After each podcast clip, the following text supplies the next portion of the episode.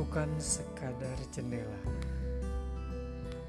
Aku bisa saja berjalan sendirian, menikmati kumparan sawah-sawah hijau dan gunung-gunung menjulang, dan cahaya matahari yang selalu hadir dari timur harapan yang aku nikmati di setiap sudut jendela.